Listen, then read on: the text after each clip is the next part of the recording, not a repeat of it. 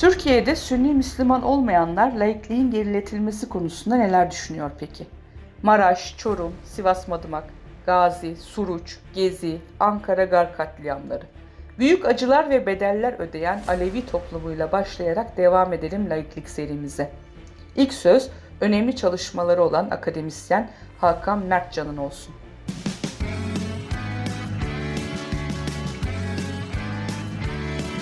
Kulağınız bizde olsun. Kısa Dalga Podcast. Osmanlı Türk siyasal çizgisine, geleneğine bakıldığında Sünni Müslüman kimliğin dışında yer alanların makbul insan toplulukları olmadığı görülür. Çeşitli Hristiyan topluluklara yapılanlar, örneğin Ermenilerin, Süryanilerin yaşadığı büyük acılar ortada.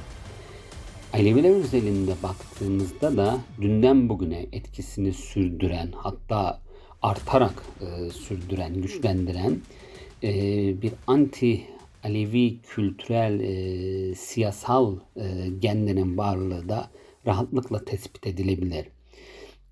Modern, laik, seküler bir söylem ile kurulan cumhuriyet de maalesef ki Türk kimliğine Müslüman, Sünni ve Hanifilik e, ile birlikte inşa etmeye çalışmıştır.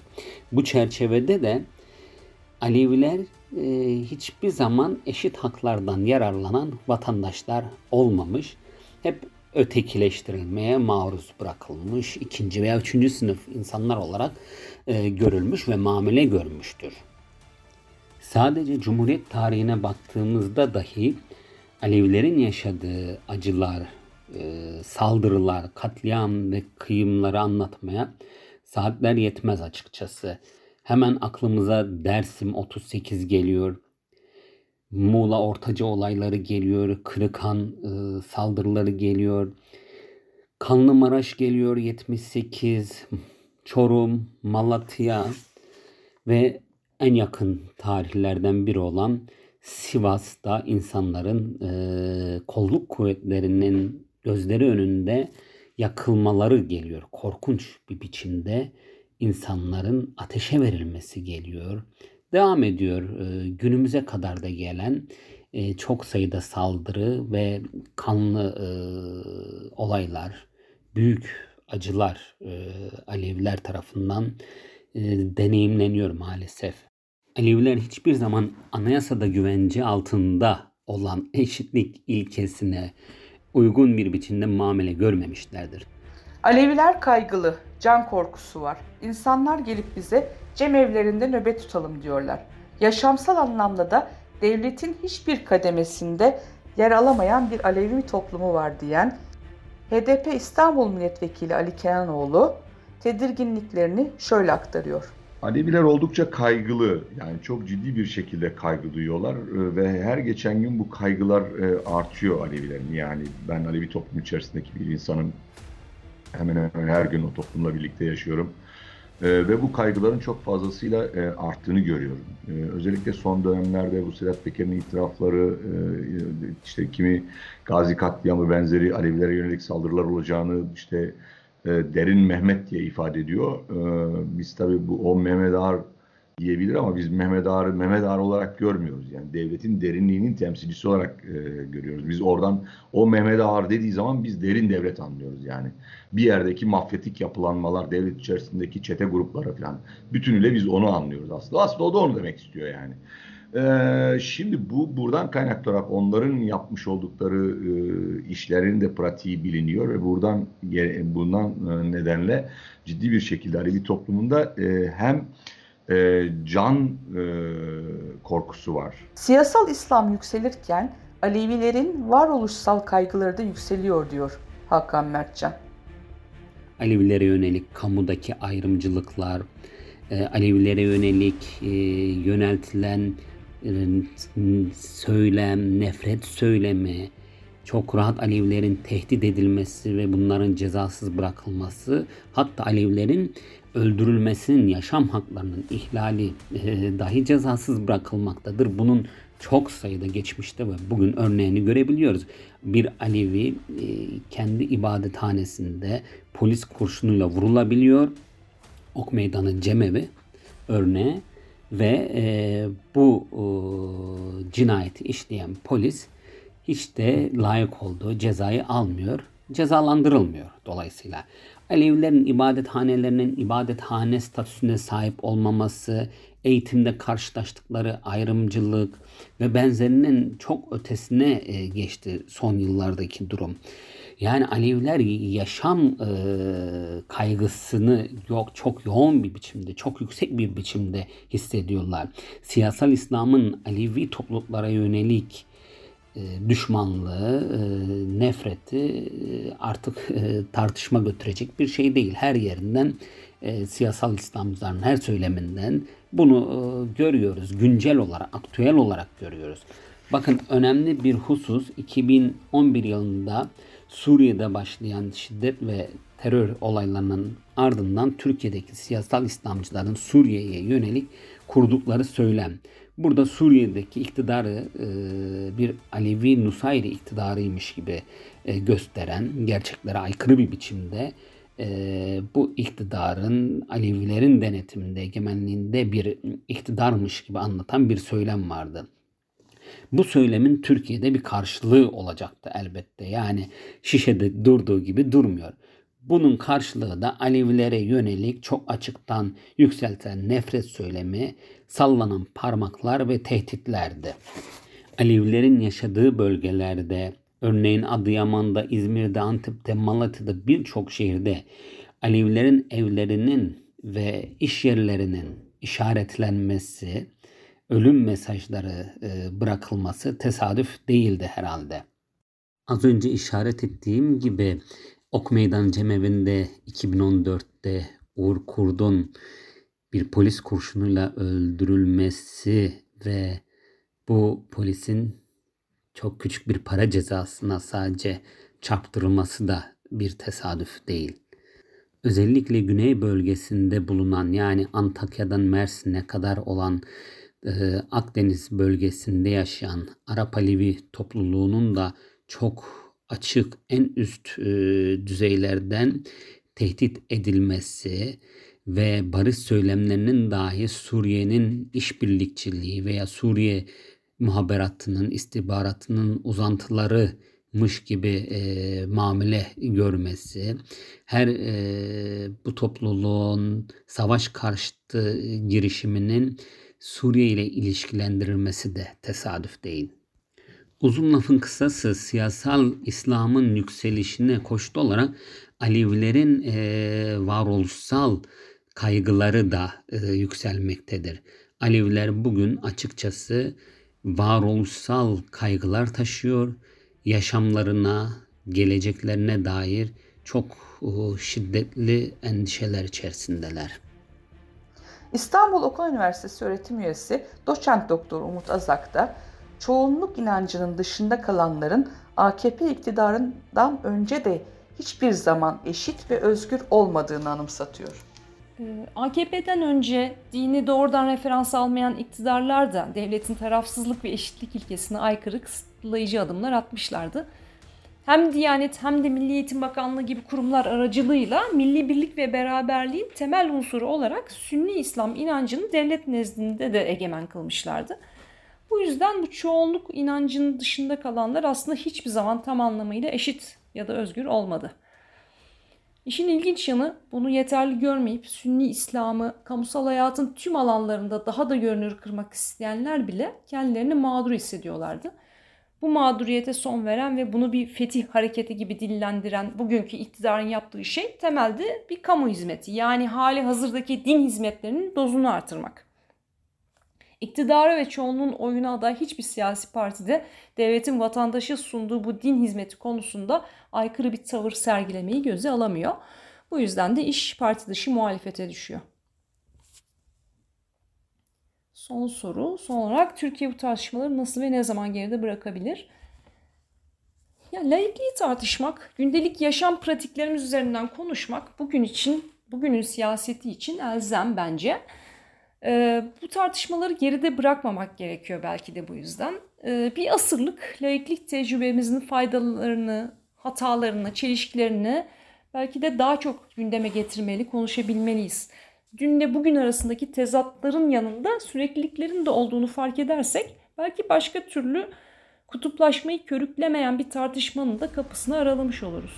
Farklı bir dinin mensubu topluluklar ne düşünüyor peki? Türk Yahudi toplumu açısından bakıldığında laiklik ve seküler yaşam üzerinden son dönemde gittikçe dozu artan bu tartışmaların nasıl karşılandığını Shalom gazetesi genel yayın yönetmeni ve başyazarı Ivo Molinas'a sorduk ve şu yanıtı aldık. Türk Yahudi toplumu açısından bakıldığında e, laiklik ve seküler yaşam üzerinden son dönemde gittikçe dozu artan bu tartışmalar tabii ki e, kimi zaman ilgiyle, kimi zaman e, endişeyle, kimi zaman tereddütle e, karşılandığını söylemek gerekiyor tabii ki. Çünkü Türkiye'deki Yahudi toplumu olmak üzere, diğer dinlerden azınlıklar olmak üzere e, eşit vatandaş olmanın en yani koşulu e, laik bir devlet e, anlayışı. E, çünkü e, İslam e, altındaki Osmanlı İmparatorluğu'nda e, bildiğiniz üzere ümmet sisteminde e, farklı dinden Osmanlı vatandaşları eşit vatandaş değildi. Her ne kadar e, yaşamlarında herhangi bir zorlukla genel anlamda e, karşılaşmadılarsa bile eşit vatandaş olmamaları e, tabii ki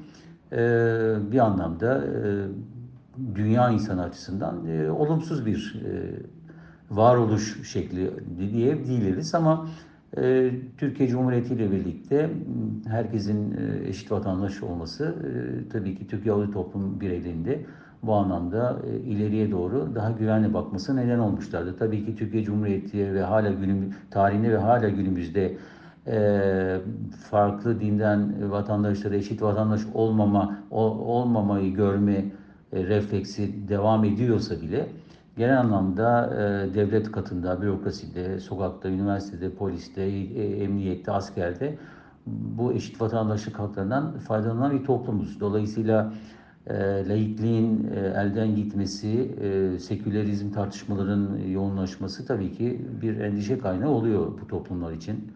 Fakat e, bir daha önemli endişe kaynağı Batı karşıtı söylemlerin çok artmış olması. Özellikle son dönem, e, son yıllarda diyeyim AK Parti'nin son dönem yıllarında e, Batı karşıtı söylemler tabii ki en azından sekülerizm e, tartışmaları kadar da ileri yönük endişeleri de artırmakta ve bu anlamda gençlerin Türkiye'ye bakış açısı ve burada yaşamlarını devam ettirmeleri konusunda e, bir takım farklı e, beklentiler, farklı e, farklı davranış düşünceleri oluşmakta. Tabii ki bunun panzehiri buradaki herkese umut dolu bir Türkiye vaat etmek.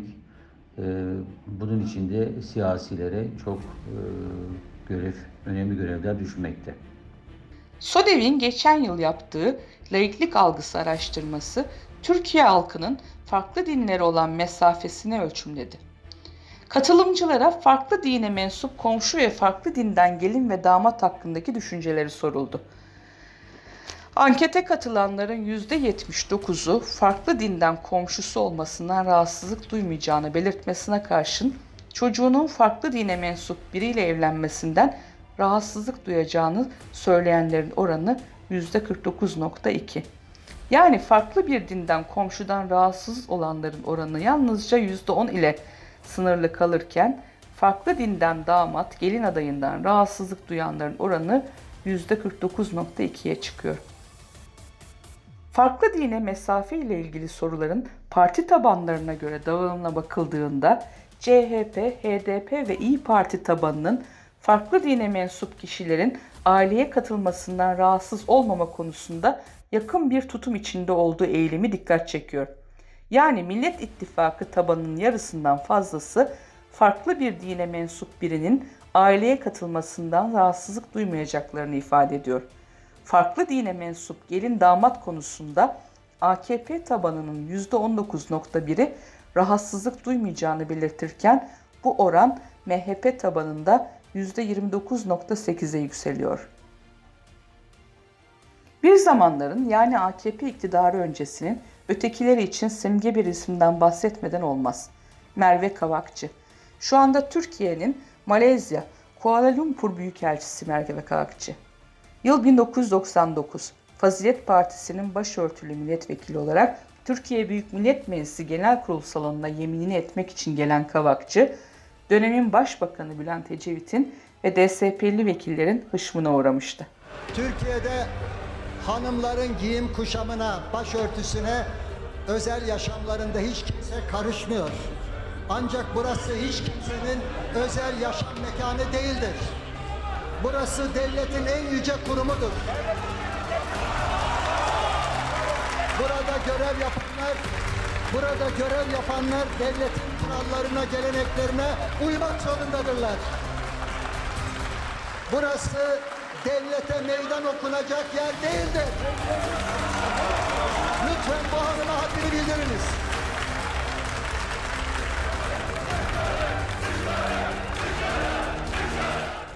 Hem meclisten ardından da Bakanlar Kurulu'yla da ABD vatandaşı olduğunu bildirmediği için vatandaşlıktan çıkarılan Merve Kavakçı'yı Sedat Bozkurt'la konuştuk.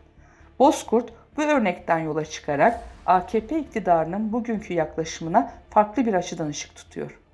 Merve Kabakçı o günün koşullarında büyüyen Erbakan tarafından kontrolü zorlaşan Refah Partisi'ne daha keskin düşüncede olan insanların ki bugün büyük kısmı AK Parti'dedir bunların biraz sistemi zorlayarak politik olarak kullandıkları türban maliyetini daha görünür ve güçlü bir gerekçe haline getirmek için parlamentoya sokulmuş bir örnektir, denemedir.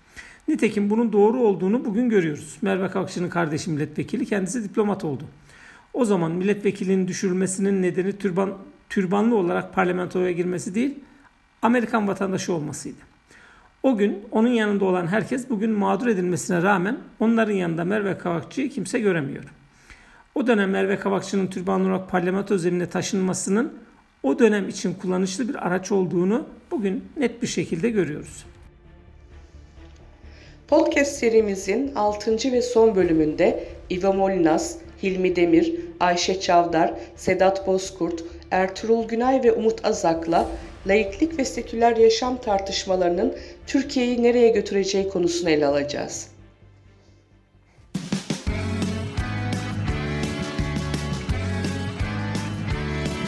Kulağınız bizde olsun. Kısa Dalga Podcast. Kısa Dalga podcastleri Demet Bilge Erkasab'ın editörlüğünde Mehmet Özgür Candan'ın post prodüksiyonu ve Esra Baydemir'in hazırladığı görseller ile yayınlanıyor. Kısa Dalga'ya destek vermek için Patreon sayfamızı ziyaret edebilirsiniz.